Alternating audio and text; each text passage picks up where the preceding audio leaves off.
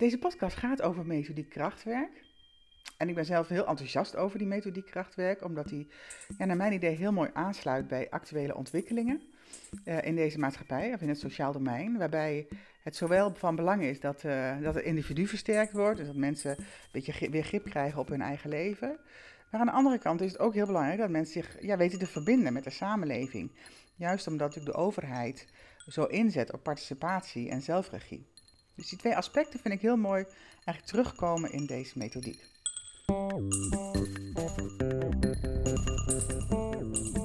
Ja, ik ga dus voor het eerst deze podcast maken. Dus dat is best ook wel spannend. Want het is ook, ja, hoe pak je het aan en ja, hoe regel je het allemaal?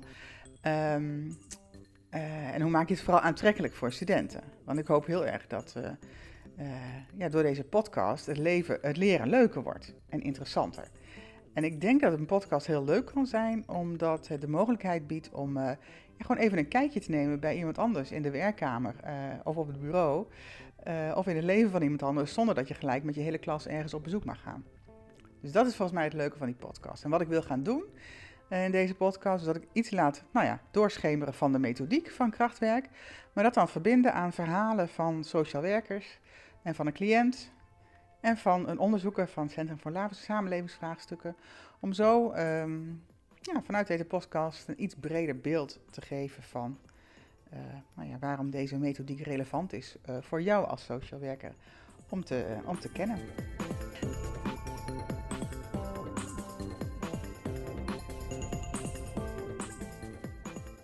Nou, we gaan Steffi horen. Steffi is een sociaal werker en zij is, is, is, persoonlijk begeleider van Donovan. En Donovan die, die woont beschermd en die heeft dus begeleiding op, nou ja, op verschillende levensgebieden om voor zichzelf te zorgen, om dagritme op te pakken, om het zoeken naar een zinvolle dagbesteding. Om zijn emoties te reguleren en om goed te communiceren over wat hem bezighoudt. Dus daar zijn Steffi en Donovan druk mee bezig. Dus die ga je horen. Daar, ik, ga, ik wil van hen graag weten van... Ehm, ja, als je werkt met jongeren als Donovan, met mensen die gewoon echt ja, veel, veel voor hun kiezen hebben gehad in hun leven... en daardoor echt wel moeite hebben om een plekje in deze samenleving in te, nemen...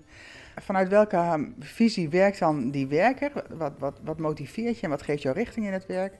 Maar ik ben vooral ook heel benieuwd wat, uh, wat de cliënt of wat Donovan zelf zegt over ja, wat hij belangrijk vindt uh, in, in een hulpverlener, wanneer hij er vertrouwen in heeft. En wat hem echt helpt in de, in de gesprekken die ze hebben. Nou, mijn vraag aan Donovan is eigenlijk van wat, um, ja, wat vind jij nou belangrijk voor een, uh, voor een hulpverlener? Ja, ik ben natuurlijk als docent en ik wil graag studenten wat meegeven. Wat zou hij nou het belangrijkste vinden wat studenten moeten meekrijgen uh, in de opleiding tot uh, sociaal werker? Niet een laconieke houding. Dat is iets wat een hulpverlening niet moet doen, vind ik. Ja, een laconieke houding? Ja, wat bedoel je daarmee? Van, ja, het boeit niet wat er met je gebeurt. We doen gewoon, we, we kijken gewoon wat je stoornissen zijn en zo, toch? En dan ja, gaan we gewoon een beetje via het lijstje werken en zo. Gewoon ook zelf in contact komen en zo. Dus. Oké. Hey, en als we dan hebben over dat eerste wat je zegt, hè? iemand is een beetje laconiek en werkt alleen het lijstje af. Mm-hmm. Wat voor een effect heeft dat op jou? Ja, geen vertrouwen. Dat is het effect daarvan, toch? Ja. Ah, ja. Ah, dat lijkt me dat ook wel mega belangrijk om wel, uh, wel vertrouwen te ja. hebben. Mm-hmm.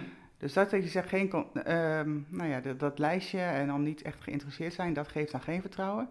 En wat geeft dan wel vertrouwen? Wat zou je zeggen, nou dat moeten ze eigenlijk wel doen? Ja, wat ze eigenlijk wel moeten doen. Ja, gewoon het tegenovergestelde. Gewoon uh, goed gemotiveerd zijn. En uh, ja, gewoon uh, echt willen helpen. Ja.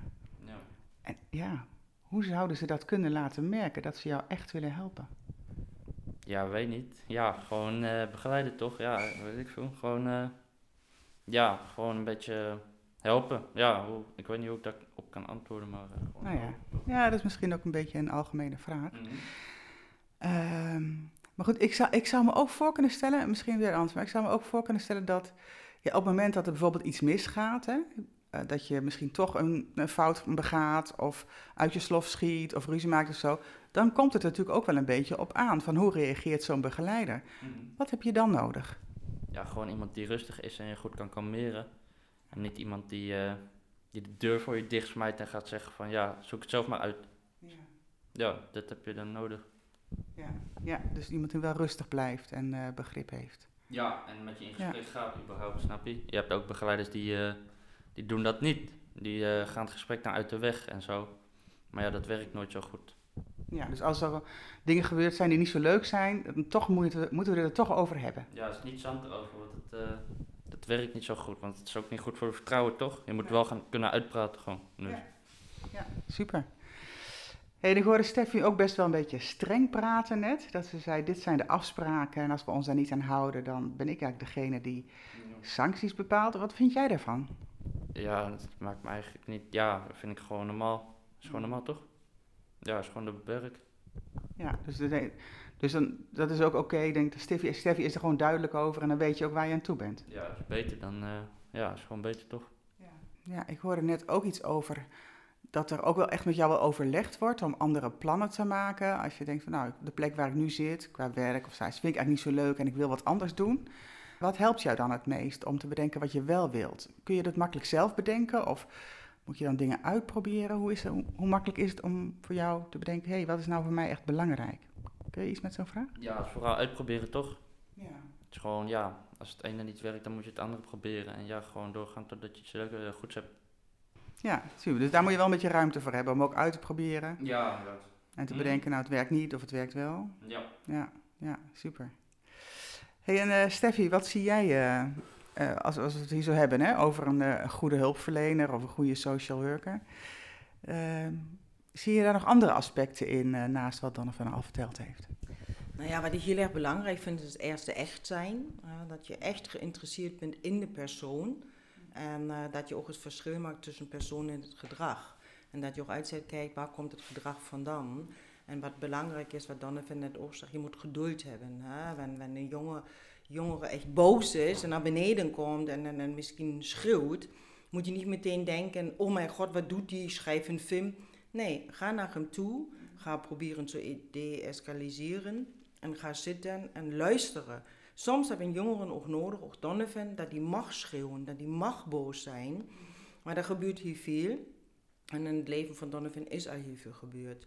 En wat maakt dus uh, dat wij uh, goede begeleiders kunnen zijn of willen zijn, is je moet met je hart werken. Als je niet met je hart werkt, moet je niet aan het werk beginnen. Je moet begrip tonen, geduld hebben voor allen dingen. En je ook inleven in situaties.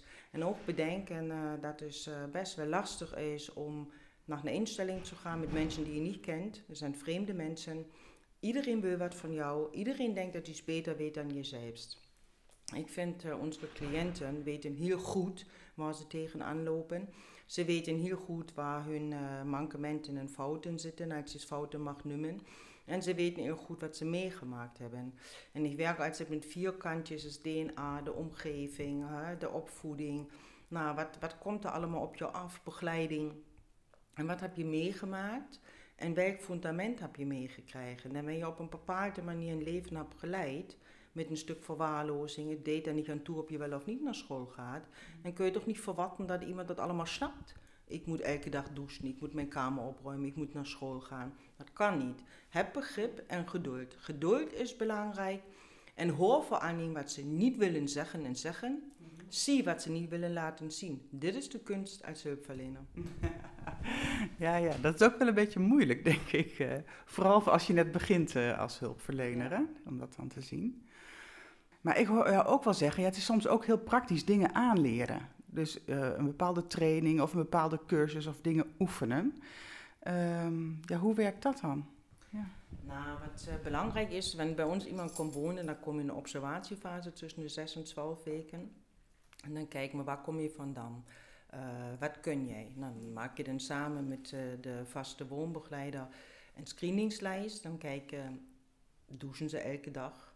Zo nee, waar ligt dat aan? Weten ze wat shampoo is, wat een tandenborstel is? Weten ze dat het belangrijk is twee keer de tanden te poetsen? Uh, hun kamer opruimen, schone kleren aantrekken. Nou ja, daarop ga je even screenen en kijken wat kan iemand, wat heeft iemand meegekregen. En waar je dan ziet dat iemand het niet, is bij Donovan niet het geval, maar sommige jongeren die weten helemaal niet dat ze zich elke dag moeten douchen. Die gaan gewoon twee, drie weken niet douchen of gaan vier, vijf maanden dezelfde beddengoed. Nou, dat is dus aan ons om stap voor stap de jongeren te laten zien. Dat is belangrijk. Maar je kunt wel zeggen dat is belangrijk elke dag douchen. Maar hoe onderbouw je dat? Hoe geef je dat aan dat het eigenlijk iets is wat voor jezelf fijner voelt? En waarom is het belangrijk om om de twee weken een bed te verschonen? Weil dat we dat allemaal vinden in onze maatschappij, dat we dingen moeten doen. Maar hoe krijg je dat voor elkaar om iemand te laten zien dat het voor jezelf fijner is? Wanneer je fijn gedoucht bent, wanneer je haar netjes geknipt is, wanneer je bed schoon is, wanneer je keuken schoon is. En dat is niet vanzelfsprekend voor elke jongere, jongvolwassene, soms ook voor volwassenen. En dan moet je dat aantrainen en dan moet je kijken hoe gemotiveerd is iemand. En dan weer naar Donovan te gaan. Hè. Donovan heeft ontzettend veel meegemaakt. En daarin uh, heeft hij ook dagen waar hij echt in de put zit. En kun je dan eisen dat hij zijn kamer opruimt? Nee, dat kun je niet. Maar wat je wel moet eisen en moet opletten is dat hij zich zelfs niet verwaarloost. En dat uh, in die kamer komt en je denkt, ja, je kan hier niet eens vijf minuten zijn. Maar alsnog zijn dat allemaal alarmbelletjes, hulpvragen die er misschien niet gesteld worden. En uh, in de begeleidingsplannen maken we lange termijn doelen en korte. En dan kijken we wat is in de basis belangrijk. Nou, dan zet je er neer kameronderhoud, douche, wc, stofzuigen, dweilen. Nou, niet, kun je zo gek bedenken. En dan is Fatma, mijn collega, als eerste woonbegeleider nu, aan, uh, die spreek ik dan aan. Als de kamer niet schoon is en vraag hoe kan dat. Maar het is natuurlijk ook heel erg belangrijk dat ze de basis meekrijgen die ze nooit geleerd hebben.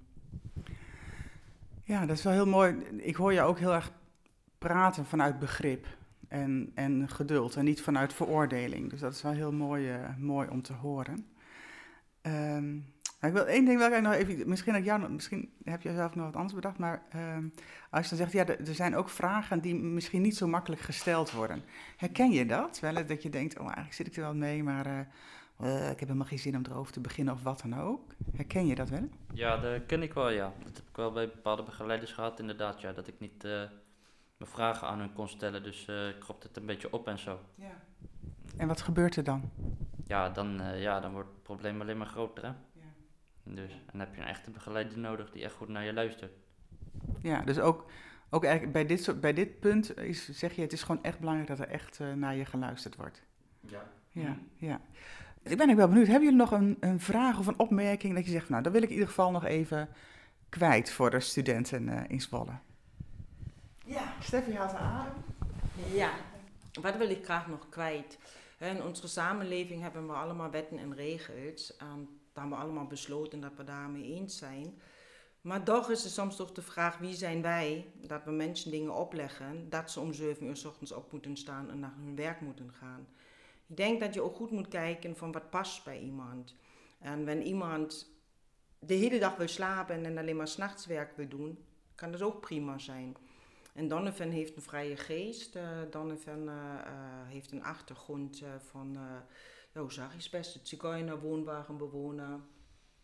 Uh, ik ben ook een halfbloed. Uh, mijn vader komt ook vanuit een woonwagenkamp en uh, ben ook hier vrij gevochten en kan me ook goed inleven in Donovan. En wat ik belangrijk vind is dat je ook probeert bewoners, cliënten ook mee te geven dat ze ook echt vrij kunnen zijn en dat ze ook keuzes maken. En wanneer dat die keuze is dat iemand zegt ik wil niet werken, ik wil fucking me niet aan deze maatschappelijke regels houden. Dat kan prima, dat kun je doen.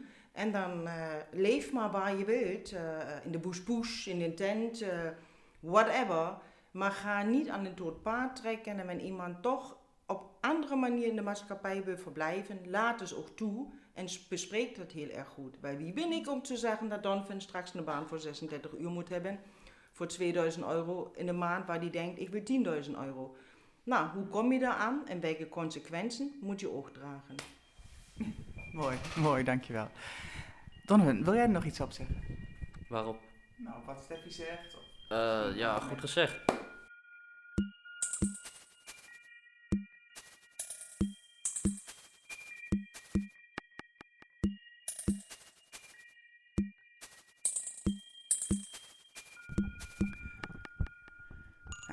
Met uh, Donovan en uh, Steffi werd me wel duidelijk uh, hoe belangrijk het is dat je als social werker authentiek en oprecht geïnteresseerd bent. Dat je respect hebt en begrip voor de situatie waarin cliënten zich bevinden. En tegelijkertijd ook het belang van duidelijke afspraken, want dat hoorde ik Steffi ook zeggen. Afspraken en ja, er moet ook wat een en ander geleerd worden. Ook, nou ja, Donovan gaat bezig met een cursus om zijn emoties wat beter te beheersen. Om daarmee om te kunnen gaan en om die te kunnen uiten op een manier zodat ze ook begrepen kunnen worden door de ander. Um, dus uh, aan de ene kant dat heel erg de begripvolle kant is heel belangrijk, maar aan de andere kant ook de duidelijkheid. En daar vroeg hij ook wel om. Dat vindt hij ook normaal en dat vindt hij ook ja, prettig dat het er, dat het er is. en zo zijn ze eigenlijk op, beide allerlei manieren bezig om Donovan nou ja, support te geven. Om zelf beter in zijn vel te gaan zitten, maar ook om een beetje die verbinding met de samenleving te kunnen maken. En dan komen we zo, zo langzamerhand terecht bij die derde pijler van krachtwerk en dat is dan burgerschap. Burgerschap, dat is natuurlijk ook wel een heel groot woord en dat neigt soms ook een beetje naar spruitjes en braafheid, maar, maar goed, ja, wat is burgerschap precies? En daarom uh, schuif ik bij Christel aan tafel, Christel als onderzoeker van het Centrum van Samenlevingsvraagstukken, om eens te vragen ja, of zij me daar meer over kan vertellen. Over de betekenis van burgerschap in het sociaal domein op dit moment. En ja, zij zou me dan misschien vanuit meer, vanuit wat meer wetenschappelijke perspectief ons daarin meenemen. Ja, dat is een goede vraag, Peter. En toen ik daar ook een beetje op ging googlen, want hij doet natuurlijk allerlei onderzoeken binnen het Centrum voor Samenlevingsvraagstukken, kwam je wel op een soort definitie uit. En als je kijkt dat uh, het een soort staatsburgerschap wordt genoemd, en het kan een status zijn van een persoon en meestal voortvloeiend uit de nationaliteit. Ehm, binnen een staat, hè, waar je eigenlijk dan burger bent, heb je bepaalde rechten en plichten. Dat komt heel erg naar voren. Maar ook de wijze waarop inwoners deel hebben en deelnemen aan die samenleving. En zo ook die samenleving helpen vorm te geven.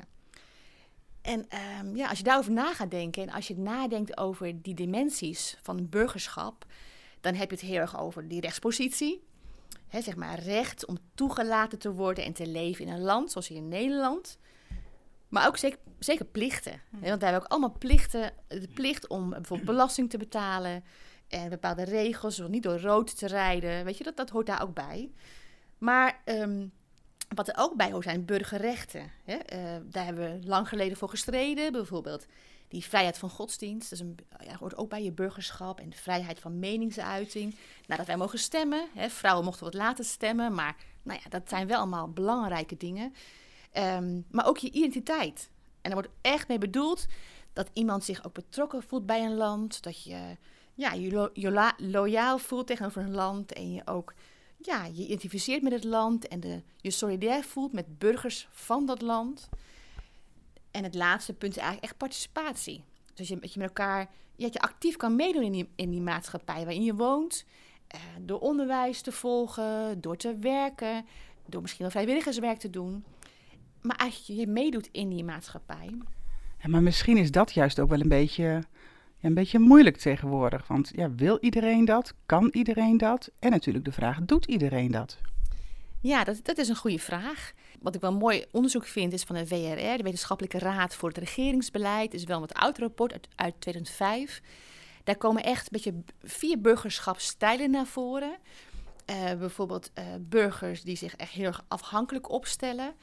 Uh, die wel mee willen doen, maar afhankelijk zijn van anderen. Hè, dit kan zijn door lichamelijke of psychische beperkingen, maar ook door een gebrek aan kennis waardoor een ander je van informatie moet voorzien, hè, voordat je zelf in actie kunt komen. Maar ook dat je afhankelijk bent van een professional, misschien van familie, van kinderen, van je netwerk. En je redt het niet alleen en hebt anderen daarbij nodig. Dat, is, dat is een burgerschap zijn, afhankelijk zijn, maar ook mm. ja, actieve burgers. Uh, die zich inzetten, die zich ook verantwoordelijk voelen en verantwoordelijkheid nemen. Uh, en daar ook iets voor in willen betekenen, maar zichzelf ook daarin willen ontplooien en mogelijkheden zien. Dus nieuwe kansen. Uh, een derde stijl is echt het afwachtende. Dus misschien ken je dat wel, hè? de kat uit de boom kijken. Meestal als er één schaap over de dam is, volgen er meer. Uh, weet je, kijken of het goed gaat en dan kijken, oké, stap ik in of niet. Uh, hebben ook vaak wat meer behoefte aan zekerheid en willen niet zomaar instappen, die wachten af. En als laatste, de burger die echt afzijdig is. Dat kunnen burgers zijn die zeg maar door negatieve ervaringen uh, denken van, weet je, ik ga gewoon niet meer meedoen. Ik, ik, uh, het is te, te lastig. Het heeft soms met structuren te maken of procedures waarin allerlei nou ja, dingen zijn gegoten waar mensen ook niet in mee kunnen. Ehm, en die kijken van een afstandje naar de wereld en kiezen er eigenlijk voor om niet mee te doen. Ja, en, en dat is een belangrijke Mm. groep. Mm. Zeker.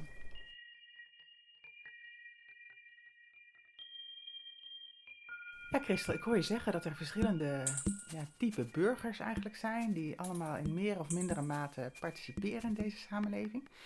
Ehm, ja, kun je nog iets meer zeggen over die verschillen en wat de, de impact is dat er zoveel verschillen zijn? Ehm, en natuurlijk, ja, wat, wat is daaraan te doen? Wat zou een mogelijke oplossing kunnen zijn om die verschillen te overbruggen? Als je kijkt naar hoe lang we nu bezig zijn, vanaf 2015 zijn we nu 4,5 jaar bezig, zeg maar, in, in een, een tijd waarin de overheid echt wil dat we ja, meer meedoen. Eh, we noemen het ook wel een participatiesamenleving. Hè. We komen vanuit een verzorgingsstaat waar alles van het wieg tot de graf was geregeld en verzorgd. En nu een samenleving waarin iedereen moet participeren. Dat is het, ja, de slogan, zeg maar. Eh, maar je kunt je vragen of, zeg maar, als je kijkt ook naar die verschillende stijlen van burgers, of iedereen in dat plaatje past. Ehm, en ja, wat, als je kijkt naar eigen kracht, netwerken, zelfredzaamheid, dat, hè, die, die begrippen, die hoor je nu overal. Die voeren echt de boventoon. Maar het is de vraag of, student, of, nee, als bur- of burgers daar ook echt mee kunnen. En ik heb ehm, twee artikelen op eh, www.socialevraagstukken eh, gelezen, ook over dit stuk, waar ik graag iets over wil zeggen. Waar Murenkamp en Tonkers eh, schrijven dat de democratie, dus eigenlijk dit stukje, echt hapert. En zij besch- schrijven in een artikel dat bepaalde groepen in de samenleving echt niet mee kunnen doen. En het bereik van die vernieuwingen en innovaties beperkt blijft tot een groep burgers. En ze noemen dat de zogenaamde participatie-elite. Nou, dat zegt het woord al, is elite, dus een bepaalde groep, dus niet iedereen. Maar de Vereniging van Nederlandse Gemeenten en ook het ministerie van Binnenlandse Zaken willen dat oplossen door een proactieve, laagdrempelige, buurtgerichte benadering. Nou, dat kan heel wat, hè, wat zijn, want alles moet in die wijk en die buurt gebeuren. Maar de, sch- de schrijvers hebben het meer over hetzelfde, terwijl bij burgerkracht het verschil tussen hoog en laag opgeleide groeit. Of dat burgers met een hoog opleidingsniveau en vooral burgers die zich al bemoeien met juist die besluitvorming binnen die gemeentes, juist profiteren van meer zeggenschap. Hè? Dus je, als burger heb je meer mogelijkheden. En je ziet ook in het artikel terugkomen dat een bepaalde groep er is, groep is die mee kan doen. En dat zijn voornamelijk de actieve burgers. Ongeacht je achtergrond, je huidskleur, je opleiding of je gezondheid. Vooral worden gedragen door burgers met een ons soort ons mensen. Dus zeg maar, dat ook een beetje mee te maken met het elite. Dat er bepaalde, ja, ons kent ons eh, eh, groepen, zeg maar, meer kunnen meedoen.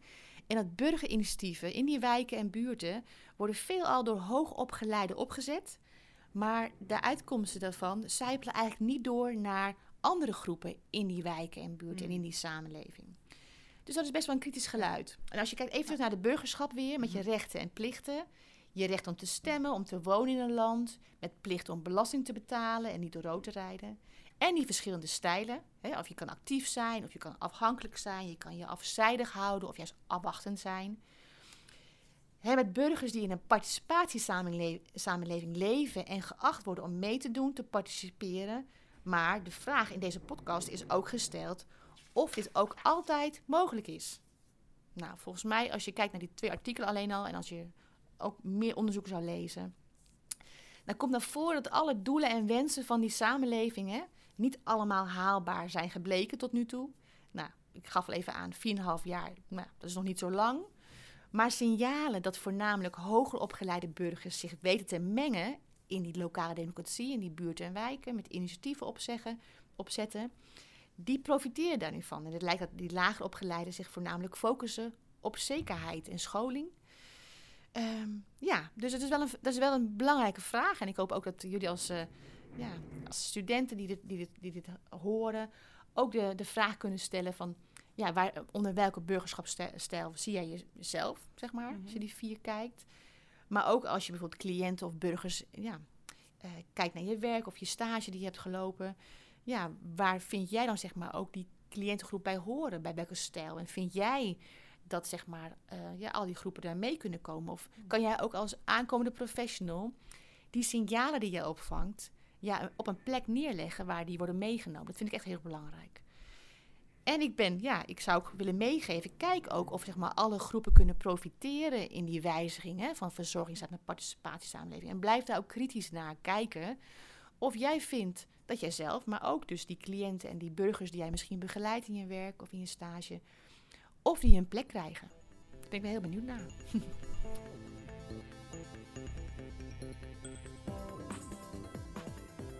Nou, we hebben verschillende mensen gehoord. Christel, Steffi en Donovan. En uh, Christel die heeft het vooral over het belang van die laagdrempeligheid, zodat iedereen mee kan doen met burgerinitiatieven. Belangrijk aspect van burgerschap. En Steffi uh, onderstreept het belang van uh, cliënten begeleiden, om, zodat ze een plekje in de samenleving weer in kunnen nemen. Maar vooral ook aansluiten bij wat zij echt zelf willen en wat, welke plek zij willen innemen, daar respect voor hebben. Dus dat was eigenlijk heel, ik vond het heel interessant om beide perspectieven te horen. Um, en daar willen we ook in de komende tijd ook verder verbinden met die methodiek krachtwerk. Uh, krachtwerk die heel erg oog heeft voor deze beide kanten. Dus zowel voor de individuele kanten, waar herstel voor, vaak voor nodig is. Maar ook voor de omgevingsfactoren. Hoe kunnen we daar verbindingen maken? Dus zo gaan we het de komende tijd hebben over sociale kwaliteit uh, en wat daarvoor nodig is. Ik sluit af met een citaat van Donovan over wat zijn droom en verlangen is voor de toekomst uh, in zijn leven. Uh, ja, ik heb er wel zin in om uh, in de samenleving te gaan wonen, ja.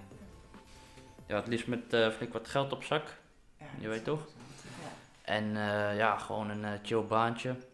Mm -hmm. Gewoon op een gegeven moment, ja, ik wil ook gaan reizen en zo. Ik wil niet gelijk gaan settelen. Ja, wat een mooi, mooie droom. Ja, toch? Ja. Dus ja, dat is eigenlijk een beetje mijn doel. En ik, ja, ik denk niet dat ik een heel druk leven hoef.